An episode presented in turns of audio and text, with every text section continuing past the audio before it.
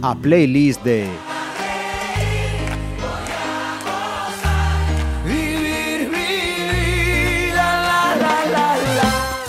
Arrancamos esta playlist eh, y con mucho respeto por mi parte, porque tengo delante, además de un compañero de, las ondas, a un profesional de la voz y del, sonido, una persona que en los últimos años pues hace posible mm, que escuchemos pues, eh, todos esos eventos ¿no? que tienen eh, lugar por la ciudad de Pontevedra. Muy bienvenido a Pontevedra Viva Radio, don Oscar Paredes. Hola, ¿qué tal? Ya habéis oído la voz que tiene, ¿no? No hay más, no hay más que decir.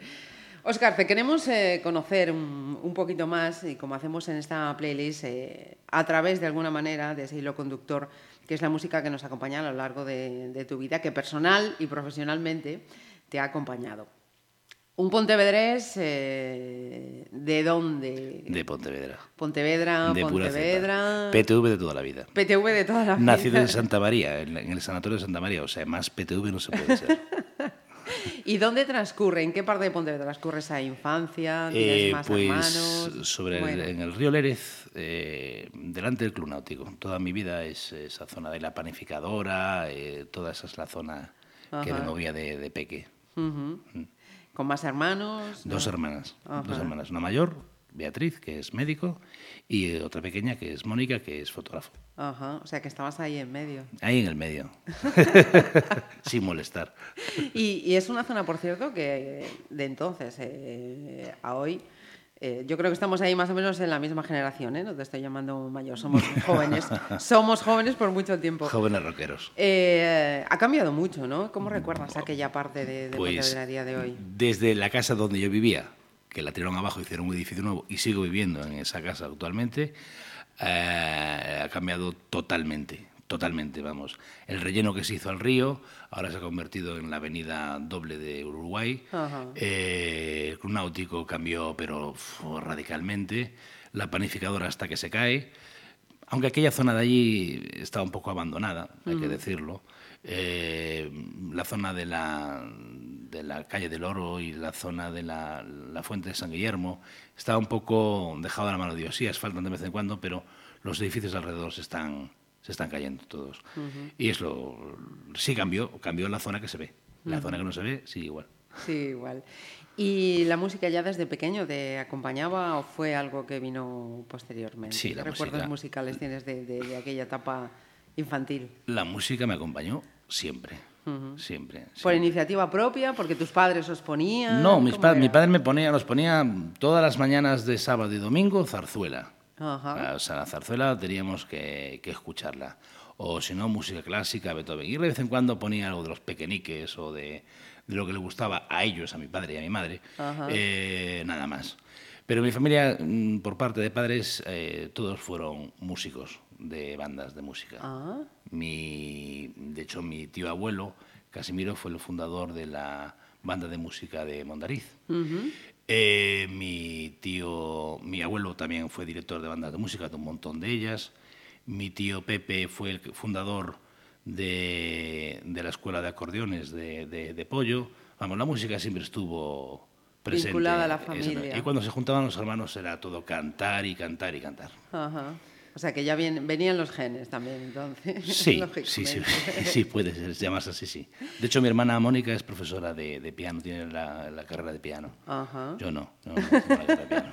Tú fuiste por otros No, derroteros. yo, yo toqué, como máximo, toqué en una tuna, que todos tenemos un pasado. Mira, y vamos a ir andando. En el cole, ¿qué colegio estabas? ¿Qué estudiaste? Estudié un año en, en las Doroteas. Bueno, empecé estudiando el primero y segundo de GB, de lo que era por aquel entonces, Sí. en el colegio, eh, en una escuela unitaria de la Armenteira. Ah, aunque te parezca mentira, porque mi madre era la profesora de esa escuela unitaria. Ajá. Entonces ya me subía en el coche y ya me iba con ella a la Armenteira. Que tengo buenos recuerdos de aquella, de aquella época, pasar por las leiras hasta la escuela unitaria, el día que llovía, por esas catiuscas, porque había agua por todos los lados. Tengo un recuerdo muy, muy gracioso, estar entre las vacas, estar en clase, que era una clase que estaban todos los niños, de- Ajá. de- desde los pequeñitos hasta los, los mayores. Y oír a las vacas mugir, que estaban en la parte de abajo de la, de la, de la escuela, abajo en, la- en las cuadras, claro. Sí. Y después pasé al, al... Estuve en las Doroteas un seis meses, un año, que fui el primer niño de las Doroteas. Porque mi herma- hacía- íbamos a hacer la primera comunión y entonces me dijeron, bueno, pues tiene que prepararse, que venga al colegio seis meses y, y- y que adelante. Y estuve en las Doroteas y después pasé ya al Colegio Menor Atlántico de la Juventud, que así se llamaba. Toma. Colegio Menor Atlántico. Ajá. Y estuve ahí hasta, las, hasta octavo y después pasé ya al, al eh, Sánchez Cantón. Ajá. ¿Ya tenías definido en esa etapa del Sánchez Cantón por dónde querías llevar la vida o todavía eras un... No, que va, al contrario, mi vida era otra cosa. Yo, eh, después de Sánchez Cantón, y ahora lo vas a entender, me fui para Madrid a prepararme para ingresar en la Escuela Naval Militar. Toma. Increíble. Es cierto, o sea, digo que todos tenemos un pasado. Eh, eh, no ingresé, está claro. si no, vamos, no estaría ahora aquí sentado hablando contigo. O- o sí, estaríamos, o sí. estaríamos hablando de barcos. ¿sabes? y, y nada, y, y cuando vine, pues me fui para Santiago a estudiar. Eh, un día estaba yo tirado en la cama a las cuatro y media de la tarde, con la radio puesta, porque sí, siempre me, escucho, me gustó escuchar la radio. Y escuché un anuncio de Radio Pontevedra de Jimmy Fernández que decía, buscamos locutores para, para la radio. ¿Quieres ser disc jockey de los 40 principales? Y cogí, me levanté de la siesta y me fui a la emisora. Así, y, y, Ah, ya. y- y llegué allí para hacer la prueba. Había gente pff, a punta pala, un montón de gente pa- para entrar a la radio. No sé por qué, porque pagaba muy mal, pero pero, pero, pero había un Pero te montón. apetecía. Pero me apetecía.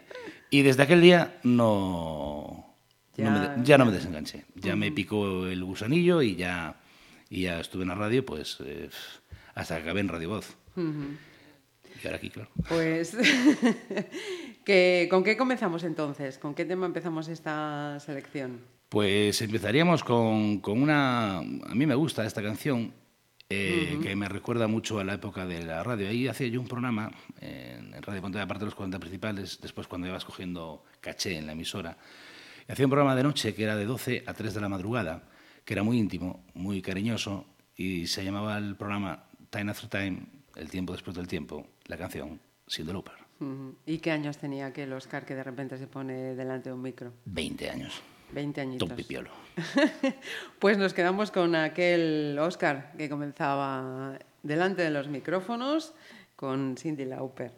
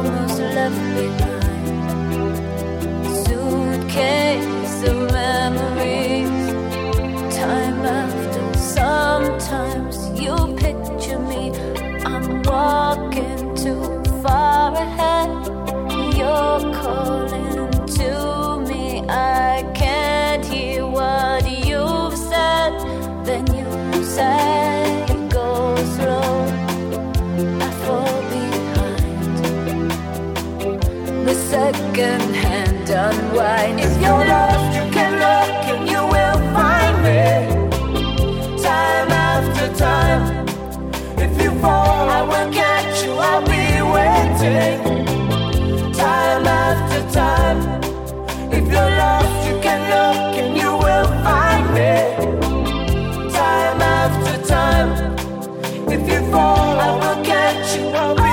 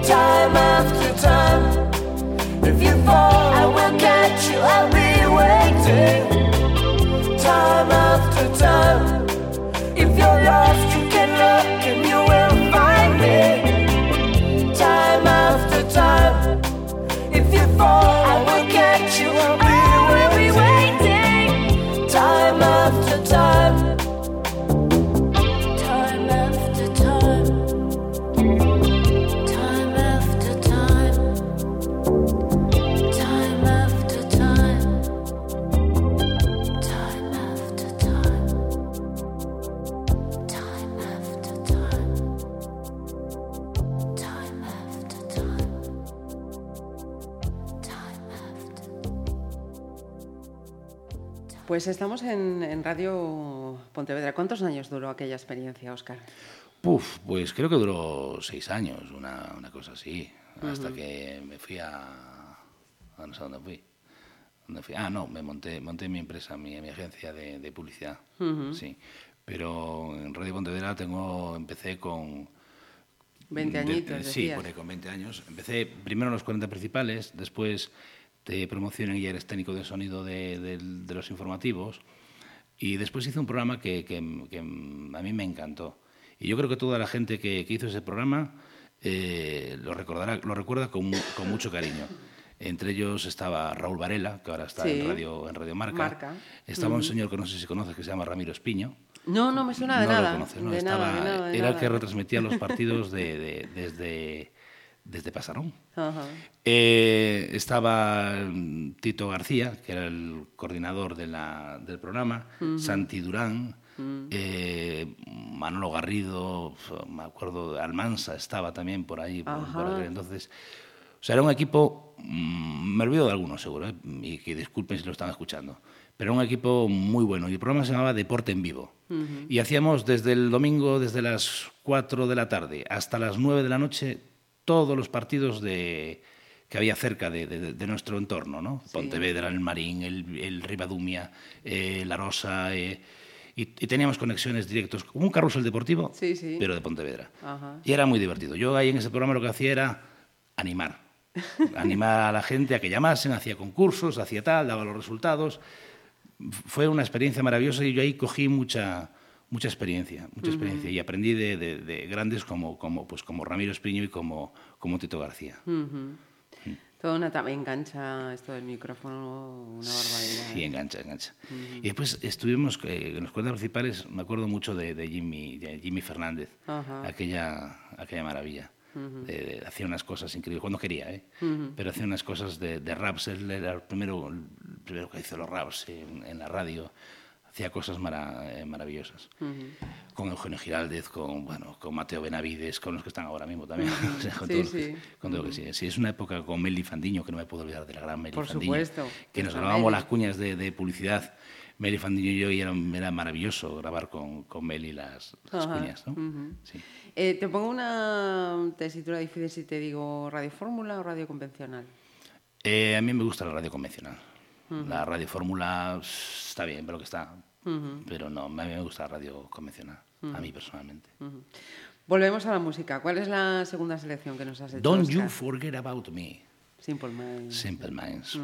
Me encanta, me recuerda mucho a esa época de la, de la, de las radios y sobre todo la poníamos mucho por la, por la noche. Esa canción, muy bonita, muy romántica, muy fuerte. Hombre, son los Simple.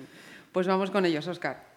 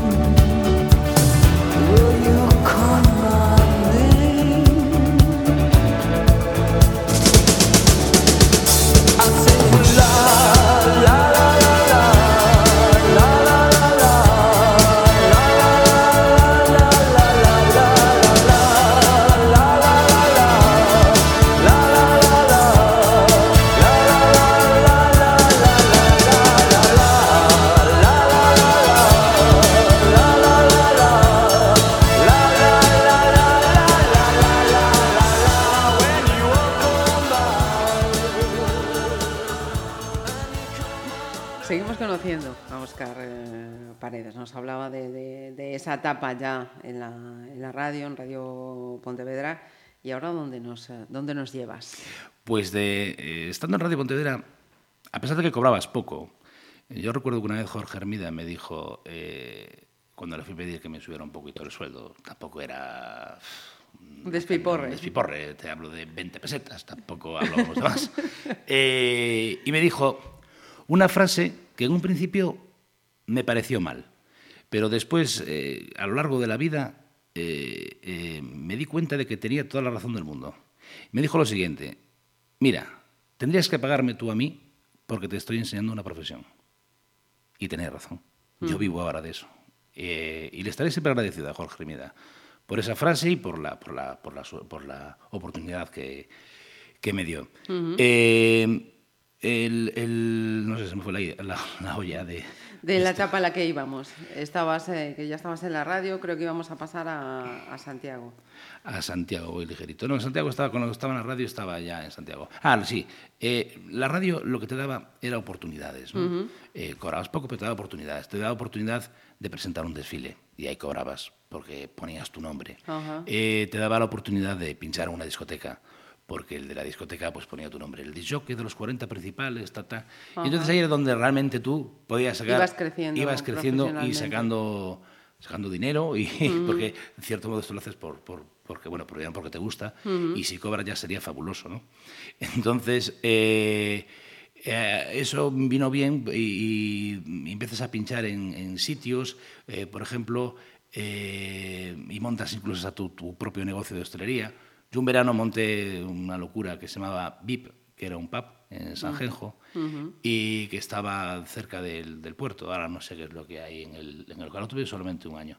Pero era un bar muy divertido. Música a tope, copas baratas, a primera hora empezaba. Era, era local de primera hora. Antes de ir a la luna, Sí. eh, ibas al local nuestro que estaba, que estaba al lado, Sí. uno, uno del otro.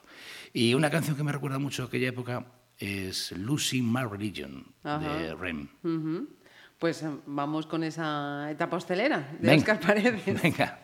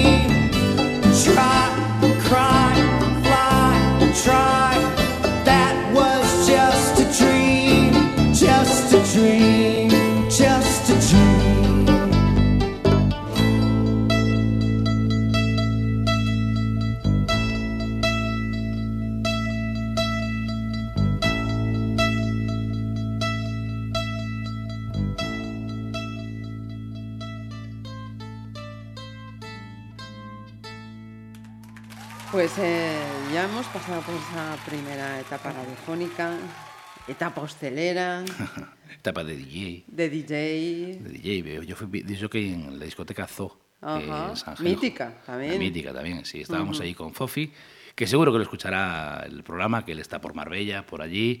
Y los dos éramos los DJs de, de Zoo. Y después de Zoo, pues en invierno, el Zoo solamente era en, en verano. Verano. En invierno nos íbamos a la discoteca Vías, que ahora eh, se llama El Karma. El Karma. Lo que era el Karma. Ya- ya se llamó de un montón de formas. Sí, sí. Sí. Pues ahí pinché en, vías, pinchamos durante dos años, una cosa así, en sesiones de mañana, tarde, de, de mañana, Mañana. de tarde, tarde y noche, de mañana no. A la mañana acabábamos. Podría ser, podría ser por también, la ¿no? mañana, por la mañana acabábamos. Eh, ¿Durante cuánto tiempo fue esa etapa aquí en Pontevedra? Eh, dos Compaginando, años. además. Sí, dos años eh, de DJ y tal, dos años, dos años y medio, una cosa así. una, una historia. Es, eh, también tiene sus tópicos, muchos tópicos, ¿no? Todo esto del DJ, mm, la vida nocturna, Mm. ¿qué, qué recuerdas? Y, y cómo lo ves desde dentro? ¿Es injusto o no es? o no es? Es un desfase. En aquella época era un desfase. La época que te estoy hablando era un desfase de las discotecas. Pero lo bueno que había que, que, que salía la gente, ibas al la que los pubs aquel entonces eran eran La Viga, que estaba en la calle Benito Corval, era Vías, era Carabás, era mm, no me acuerdo así de más pubs. Después fueron creciendo más pubs como el Callejón del Liceo, el Banana, eh, el Atrium, el- la Retoral. Son todo pubs que se fueron ade- adheriendo a la movida nocturna y que, claro, que frecuentabas. Ajá. Toda una generación que ahora mismo se sentirá, se sentirá identificada totalmente. Sí, Te sí, estarán viendo ahí entre platos. entre- entre platos y tal. ¿Y, con qué ilustramos ese, este momento, Oscar?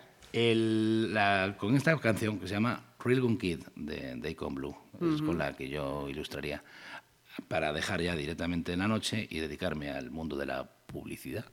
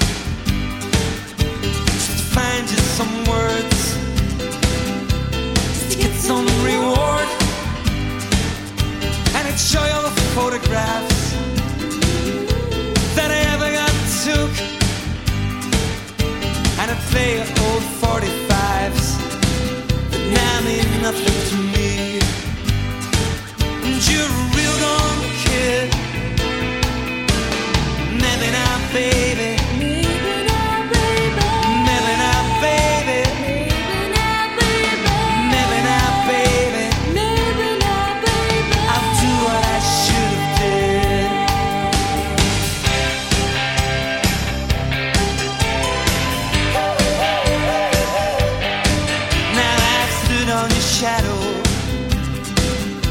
and I've watched it grow. And it's shaking and it's driven me.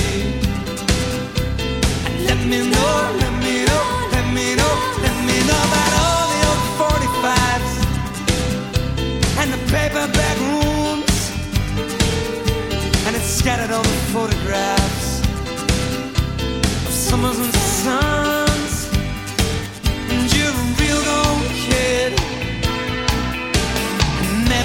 Baby.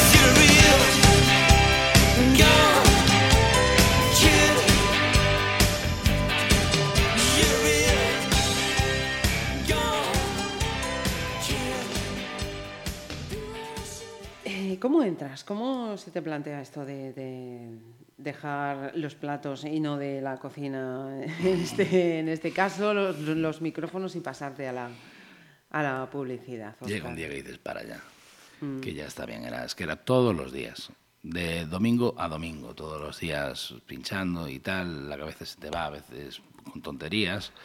Y entonces un día en día dije, voy a montar algo de día. Y monté una empresa de publicidad se llamaba Punto y Aparte. Ya ves que en mi vida todas mis empresas tienen, están conectadas por el I. Eh, punto y aparte, la tuvimos dos años. La tuve con un compañero, con Augusto Barciela. La tuvimos durante dos años, creo que fue. E hicimos cosas muy importantes. Era cuando en Pontevedra salió el Jornal Diario Sí. y nos volcamos bastante en él. Cuando se apareció el Jornal Diario, por supuesto, también desapareció la agencia. Punto y aparte. Pero bueno, somos los, fuimos los primeros en traer la, la pantalla LED a Pontevedra. Ajá. Estaba encima de, de Gamela, de la, de esto de los barcos que está Ah. ahí en Benito. Sí. Ahí pusimos la primera pantalla roja, que era roja por aquel entonces, LED. Y, y nada, y después se fue todo, todo al traste y, y empezó a, a cambiar la, la vida. Me decidí cerrar todo y marcharme a León. Estuve viviendo en León durante seis años vendiendo pisos.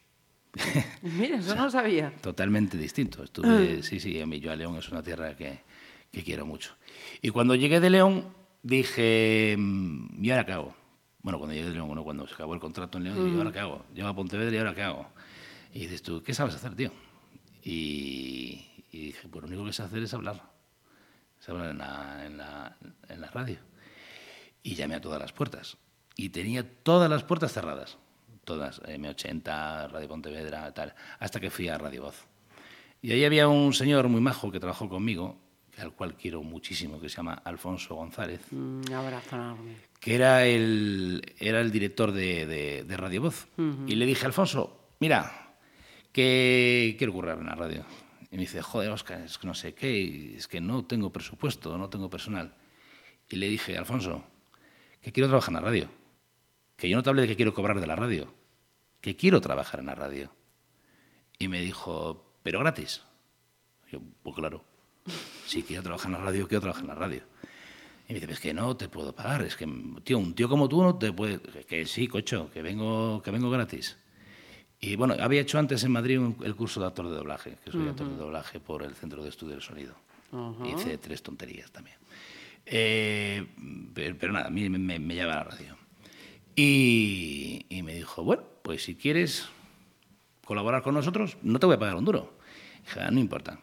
Porque sabía que, que- que- que no iba a cobrar de la radio, pero que me iba a dar la oportunidad, como te expliqué antes, de conseguir clientes o meterme en las historias. Y así empecé en Radio Voz, Pontevedra. Luego al final me dieron un programa que también pagaban, pagaban menos que Radio Pontevedra. Pero eso es, es pan de todos los días de los Ajá, medios. sí. Y, y- y nada, y, y- y a partir de ahí, pues sí me salieron otros, otras cosas, como empezar a grabar megafonías para los partidos políticos, como empezar a grabar megafonías para los campos de fútbol, eh, empezar a grabar anuncios, y por eso, claro, yo cobraba, pues si querías mi voz, yo por eso Claro. cobraba. Y ganaba muchísimo más que con, trabajando en la radio lo que me daban de aportación, que eran 40.000 pesetas por aquel entonces. Y, pero bueno, trabajaba todo el día en, en- en Radio Voz. Y utilizaba los estudios de Radio Voz para grabar mis cuñas. Claro. Que era lo que, lo que yo hacía. De aquella época hay una canción que me, que me recuerda mucho. La época de la radio. Estoy viendo que traje la chuleta. Sí. Y no me acuerdo muy bien la canción. Ah, esta es la de la radio. Mira, Don't Let Me Down. Ajá. La de George Michael. Sí. Y la de Elton John.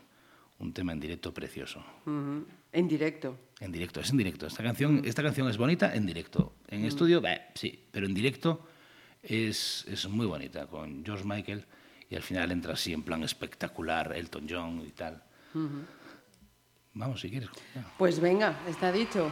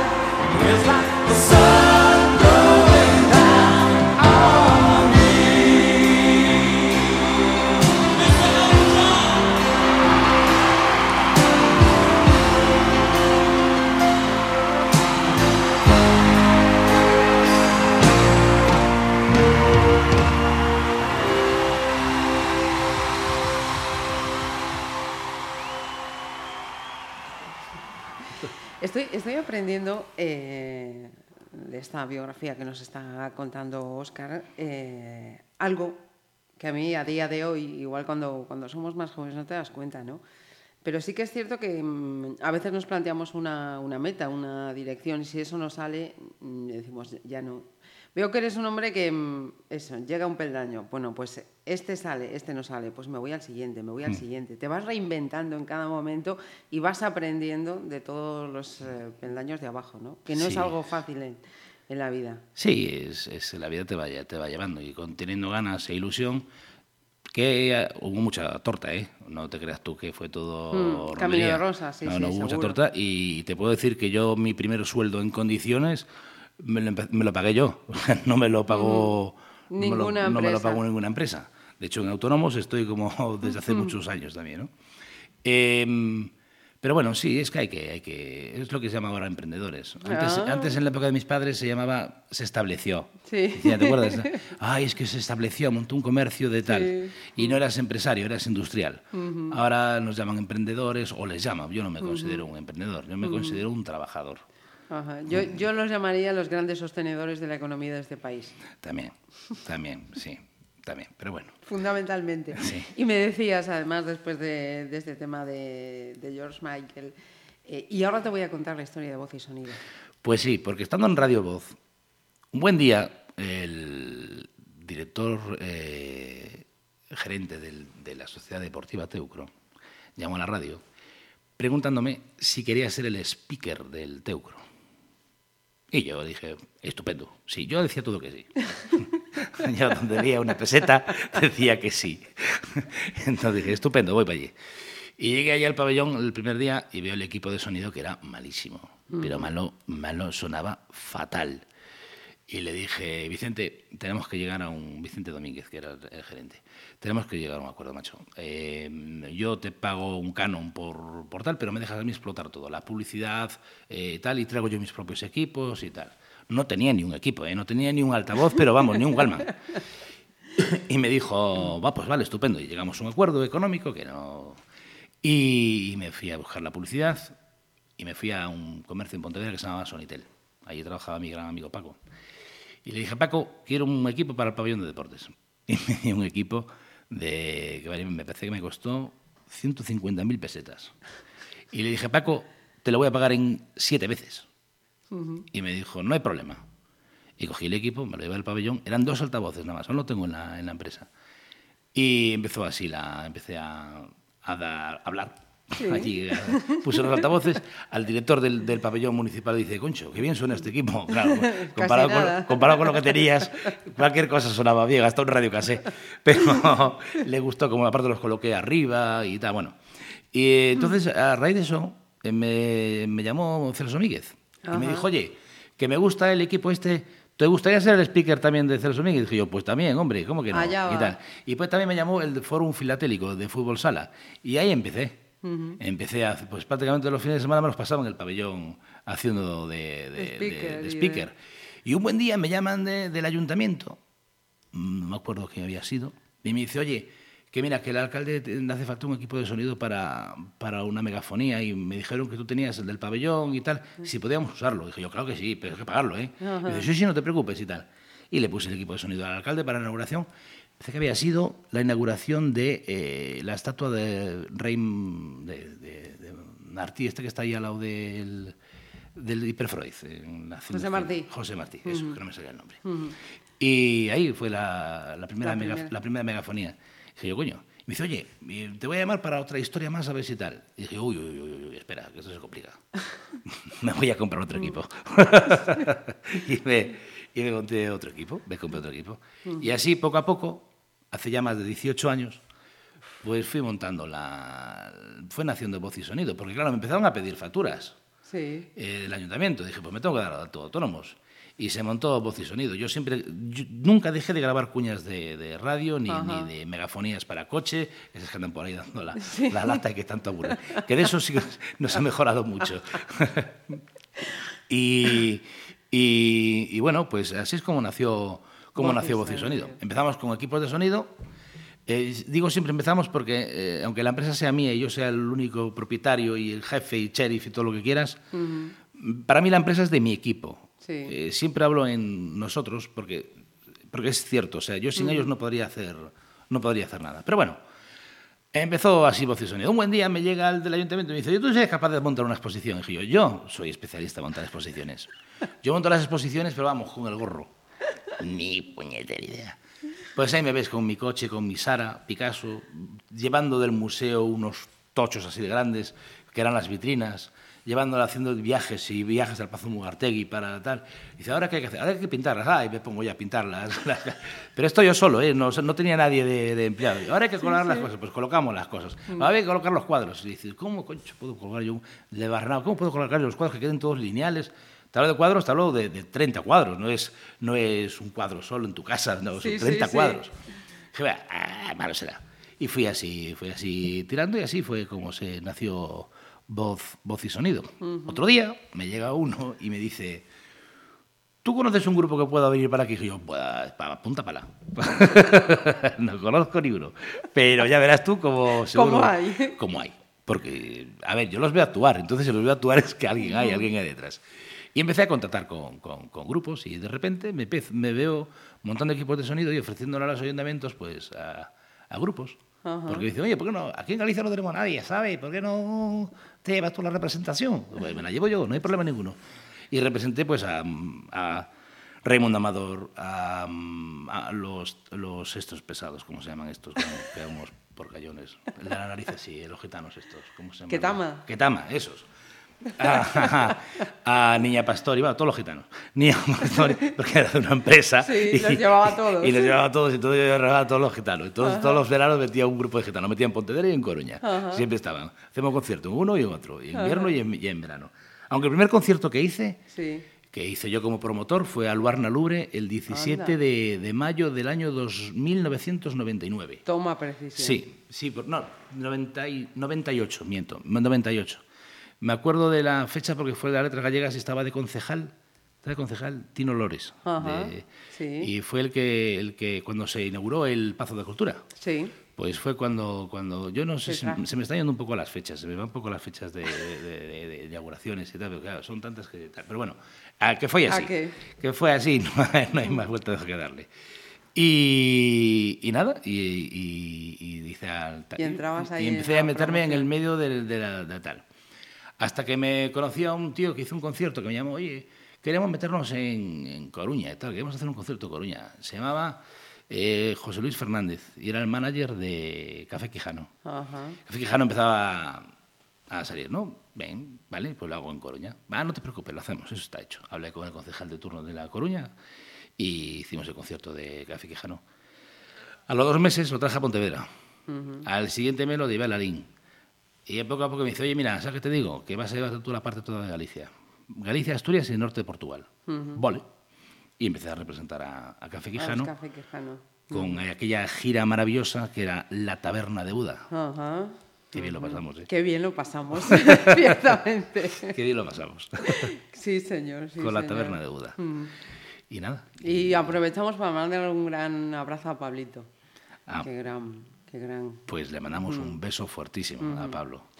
Pues vamos con los Quijano. Venga, taberna de Buda.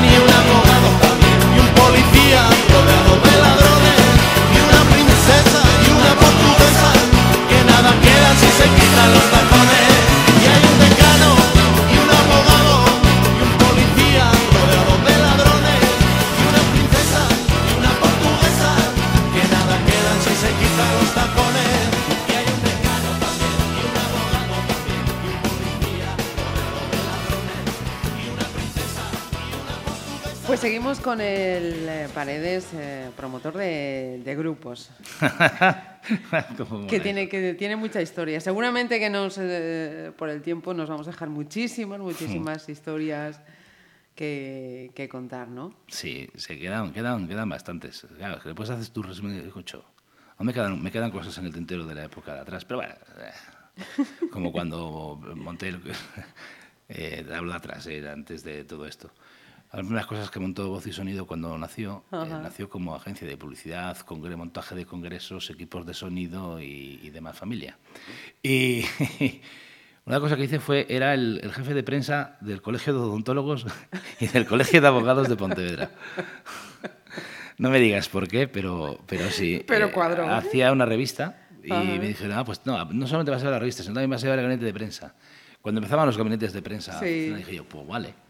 No tenía ni pajotería idea y yo hacía lo que me mandaban. Decía, "Oye, había que mandar una nota de prensa, no hay problema, la mandamos. Y se mandaba. Era, pero vamos, fue una época que duró un año, no creo que no llegara, no llegara más. Pero bueno, son cosas que quedan así de estas de... Sí, que va de- sumando Que va tu- sumando, sí, sí, que va sumando al, al currículum que, que, que tienes. Pero bueno, estábamos con los, con los grupos, ¿no? Sí.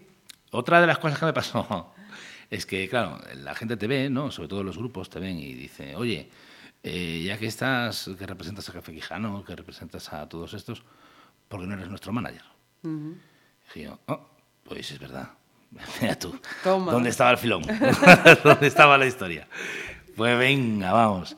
Y empecé con, el primero que representé, que lo, le recuerdo con mucho cariño, fue a Óscar Ibáñez Ajá. ese bestia de, de, de, de- de gaiteiro, ¿no? Y a su grupo Tribu, que por aquel entonces se llamaba Lerz, que es Lérez eh, cuando... Río Lérez, pero cuando empezó a nacer, cuando... Bueno, los primeros nombres del Río Lérez. y, y no hicimos un puñetero concierto, hicimos uno.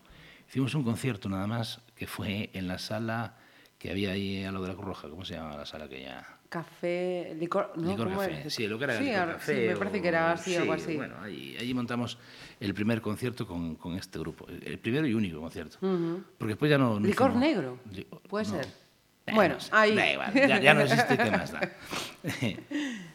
Hicimos allí el primer, eh, el, primer y único concierto con, con Oscar Ibáñez, que ahora me alegro muchísimo que le vaya bien, porque era, Mm. es los típicos artistas que están dando con la cabeza, dando con la cabeza hasta que lo, hasta Lo que lo consiguen. Y allí se presentó un grupo de, de Marín que se llamaba Liorna. Ocho componentes, música folk pop, por decirlo de alguna forma. Y, y es el grupo que estoy enamoradísimo de él, pero encantado. Es el- para mí fue una de las mejores, de esto de parte de representación que tiene muchos sin- sinsabores, eh, fue la parte que más, más cariño guardo con este grupo, con, con, con Liorna. Hicimos una gira por toda España a través de Café Quijano, de la oficina y tal, dije, bueno, como tú me diste a Café Quijano, te voy a dar el mejor grupo que hay en España, que es Liorna. ¿no? Y empezamos a hacer conciertos con, con Liorna. Estuvimos en, en- inauguramos en Benetúser, en Valencia, un auditorio, estuvimos tres días de, de- de conciertos allí con lleno absoluto. Estuvimos en Ávila, en Segovia, en, en Zamora, en bah, un montón de, de- de sitios con, con- con el grupo, ¿no? En, en Cuenca también, creo recordar. En Asturias, eh, un montón, un montón de, de- de- de conciertos. Hicimos un concierto preciosísimo en la Plaza Anaya en Salamanca, la pla- delante mismo de la catedral, con Cajaduero, que era quien nos, nos había llevado, que éramos los teloneros de Caper Cayley Ah, y se enfadaron con nosotros. Toma. Los Caper Cayley. Se enfadaron, pero un montón, me echaban una bronca. Porque le movimos a todo el público. Y entonces la gente quería que estuviese Liorna y no que Percaile. A mí, a mí me dirás tú a mí, ¿no? Pero se enfadaron muchísimo. De, de hecho, de hecho, Alberto Lago, que era el, el- el cerebro y el alma mater de, de, de Liorna, decía, estos tíos están con un mosqueo que no, que no veas". Que no pueden con él. no, no, sí, sí, sí, sí. Fue un concierto precioso. Estuvimos tocando en, la, en Riazor, en la playa Riazor, eh, que es, es maravilloso. Estuvimos en Ortigueira, eh, bueno, un montón de, de conciertos. Es un grupo que le tengo mucho cariño, hasta que uno de ellos dijo, la vida me lleva a que tengo que vivir de, co- de comer, porque esta Liorna no daba, no les daba, le daba para sus vicios y tengo que vivir. Entonces yo voy a dejar el grupo porque tal. Entonces ahí empezó ya a desmembrenarse un poquito el eje de- del de- grupo. del grupo. Y a pesar de que Liorna existe y sigue existiendo y sigue haciendo cosas maravillosas con la, con la asociación Tropo dos Pes de, de Marín, eh, siguen haciendo maravillas. Ahora son cinco o seis, no me acuerdo. Sé que Alberto no está, es- pero sé que está Luis, está el batería. Bueno, eh, Liorna sigue, sigue Sí. viva, ¿no? Pero ya no lo mismo. A mí la voz de Monso Gando y de Begoña Garrido pues me, me vuelven loco. Eh, el bajo de Benito, Seso, eh, eh, todos, eh, todos los, los miembros de- del grupo Charlie en la batería y quién más estaba, que me olvido de Suso, de Suso el, el- el acordeón que fue el que precisamente que tuvo que, que ahora está de profesor en, en Ferrol, en el conservatorio. O sea que Ajá. todos se dedican al mundo de la, De la música. de la música como profesores, Ajá. que realmente son unos maestros. Ujú. Y bueno, el primer éxito de, de Liorna es una canción que se llama Nordesía, que me explicaba cuando la grabó eh, Alberto una cosa muy bonita. Nordesía es el hilillo ese de agua que hay cuando la ola rompe. Y esa canción suena así. Pues está claro, ¿no? Lo que toca.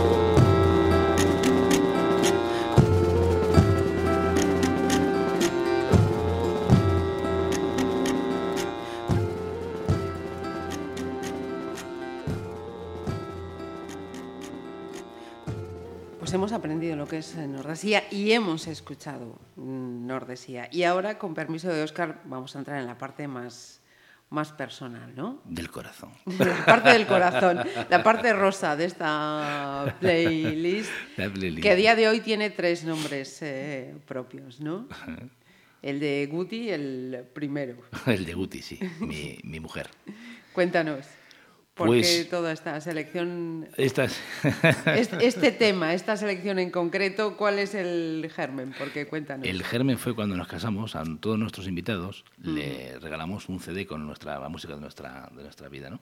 Y la mitad de las canciones están ahí. Y cuando me llamasteis para, para hacer esta maravillosa playlist, le dije, Guti, me han llamado de, de Radio Pontevedra Viva y, y, y- y quería, quieren esto, ¿qué hacemos? Dice, ah, bueno, pues hay que poner esta canción, esto, bueno, pero ya podías poner ahí 35 canciones, ¿no? Oye, me dijo solamente 10, Marisa, no me dijo más. dice, no, no, pues que claro, es que está, es que está Oscar, hay que ponerla y tal. Yo conocí a Guti en un pub que íbamos todos, que se llamaba, no un pub, sino un bar, que era El Toro. Ajá. El toro. Hombre, petete. Eh, la conocí el 17 de enero de mil, del 2012. Dime que te acuerdas exactamente del día. Sí, te voy a decir por qué. Ahora te vas a dar cuenta por qué. Eh, yo venía de la presentación, yo venía de, de- de- Estuve en la presentación, ese día se presentó en Pontevedra el disco Hepta de Berrogueto. Ajá. Tuve que salirme del concierto porque estaba Óscar de Café Quijano de cumpleaños ese día Ajá. y tuve que ir a Luar a llevarle una tarta. Anda. Que me pidió él, me dijo, oye, tráeme una tarta para tal, una sorpresa y tal, Café Quijano. Y me dejé el concierto y me fui al lugar a, a tal. Y le di eso y le compré una figura de Serradelos, en nombre de la empresa y tal, que por cierto pues tuve que comprar tres más. Hombre, claro. Pues son tres Quijanos. Estaba Raúl y, y Sí, Manolo. Y Manolo, y Manolo. Entonces, eh, viene de Santiago y dije, yo esto está el gorro. Me voy a tomar una copa. Y me fui a la de Petete, al toro. me fui al toro. Y allí encontré a, a Guti. Pero fue llegar y verla y dice, hola, ¿qué tal? Bien. ¿Y tú a qué te dedicas? Y dije, no te lo digo, no te lo vas a creer. Y dice, inténtalo. Pues soy representante de Café Quijano, me acabo de venir del concierto de, que me acaban de invitar Berrogueto, y esas cositas así, claro. O sea, no... Del día a día. Y de ahí al año, pues nos casamos. El 17 de enero del 2013, Toma ya. el año después. Justo el mismo día. Coincidió que era sábado también. Esto fue un viernes y el otro fue un sábado. O sea, por eso me acuerdo de la, de- me acuerdo de la fecha. Ajá. Y, Curioso. Sí, al año siguiente, o sea, ni perdimos el tiempo ya. Nada, nos casamos ya. Lo Está teníais claro, vamos. Clarísimo, vamos, clarísimo. Y después, curiosamente, ella me, era ya fan mía. De, bueno, nos enteramos después, ¿eh? No Sí, cuando sí. tal. Cuando, cuando hacía los programas de Time After Time que hablamos antes. Ajá. pues, estaba escuchando, decía, eres un cabrón, porque siempre hablabas en mitad de la canción y no me dejabas grabarla. Pero esa es una, una remora que nos, nos persigue a todos los locutores de, de Radio Fórmula, ¿no? Que siempre le pisamos las canciones a, cuando se grababan de la radio con el casete. Sí, sí. Pues Y- fíjate, me queda una pregunta por hacerle a Guti. ¿Quién te iba a decir a ti que aquel chico que te jorobaba las canciones, al final, mira tú, ¿dónde, dónde fue a parar? Sí, pues llevamos ya, no sé, no te digo la cantidad porque no... Pues desde 2013 hasta hoy. Viento, 2013 no, 2002. Espérate, déjate de ver. déjate de ver. Guti, tápate los oídos. no, ¿qué digo yo? Es que 2013, 2013 fue la semana pasada, hombre. 2000, desde 2003. 2003. 2003, sí. O sea, la conocí en el 2002 y nos casamos en el 2003. Mm. En 2013. En 2013 ya tengo los churumbeles, ya. Que, que ya uf, qué, qué locura. Qué baile de fechas. Esto te Y recuerda- además, y además yo ni, ni había caído, lo tenía claro Sí, que fue sí. en aquel, pero no... Sí, sí, es que uf, esto de recordar toda la vida es un trabajo duro, ¿eh? Caray. Se Imagínate, Sara, un día cuando tuvo que escribir sus memorias. Bueno, llevaba, llevaba ya desde la pubertad, ya preparándolas. Y esta selección, eh, este tema siguiente, perdón, eh, tiene también su, su casita, ¿no? La siguiente selección que nos, que nos haces ahora. Sí, esta canción eh, es una nana y es la primera nana que le canté a mis dos hijos, a Óscar, que tiene 11 años, y Daniel, que tiene 8. Y el primer día, la primera vez que me lo pusieron en los brazos, bueno, Nani no tan, tardé un poquito más porque fue una cosa un poco más complicada, pero bueno. eh, tan pronto lo estuve en mis brazos, le canté, le canté esta canción. Tejedor de Sueños, un grupo asturiano que también me, me- me gustó mucho cuando lo fui a ver. Me, me- invitaron a, y los vi en Oviedo cuando fue la presentación de este disco en, en el Jovellanos. Eh, Tejedor se llama el grupo y Tesiendo Sueños, que es Bable, eh, eh, la canción. Pues yo es la La primera nana. vez que lo voy a escuchar, nos vamos a callar todos y nos imaginamos al Oscar ya padre con los dos enanos en los brazos. Señora Santana, ¿por qué llora el niño? Por una manzana que se le ha perdido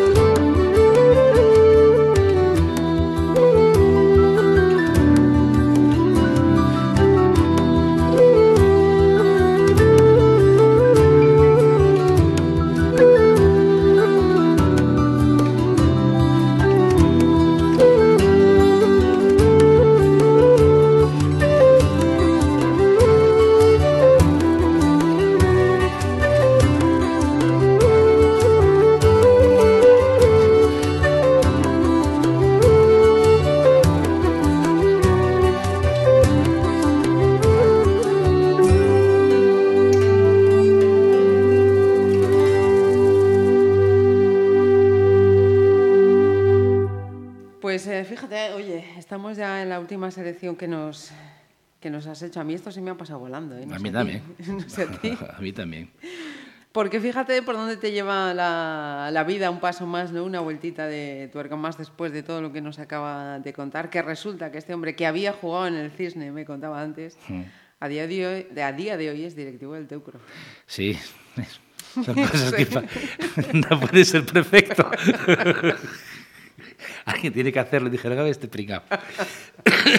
Este pringao y los siete que me acompañan en la directiva, ¿eh? Y con un presidente, además, que ya es jorobado, el presidente de los pringaos. lo más. Es lo más, sí. Pues yo jugué en el, en el, en el Cisne toda la vida, desde cadetes hasta tal. Eh, jugué un año en el Teucro de, de juveniles, pero siempre jugué en el Cisne. Después jugué en Madrid, en, en el Marqués de la Ensenada. Eh, siempre estuve ligado al mundo balonmano. Fui aficionado del Teucro de siempre, de- pero ya desde cuando estaba en la- en- con tres años, yo ya iba al Teucro. Me llevaba mi tío Quiroga, íbamos allí a la panificadora, que era donde estaba, donde estaba el campo. Después íbamos al, al pabellón de deportes, la época de, bueno, la de siempre, San Silvestre, eh, Cameselle, toda esa época. Yo iba con mis tres pitos, salía de catecismo y tenía tres pitos de esos que se, que se unen, que se, que se usan para los globos, para... Sí. esos que están- Los unía con una cinta aislante y, me Y ponía allá allí- daba- me ponía allí a, perdón, me ponía allí a, a pitar y a, y a animar al, al, Al teucro, teucro. al teucro, sí. Y lo que pasa es que después me, voy- jugué en el cisne porque un día me llegó por allí Kiko Pazos y me dijo, che, tú, ¿quieres jugar balonmano en el, teu- en el cisne? Y yo, pues ya, tú mismo, Pues como siempre. Como siempre, aquí estoy. Pues, a ver, no voy a jugar yo en el cisne. Que sí, hombre, que sí. Y jugué en el cisne. Eh, pasó la vida y a mis hijos un día les dije, oye, os voy a enseñar un partido a balonmano. A ver si os gusta. Porque a mí me gustaba. Dije, si a mí me gusta, a veces todos los genes va a ser verdad. y, y los llevé, los llevé, sobre todo al mayor.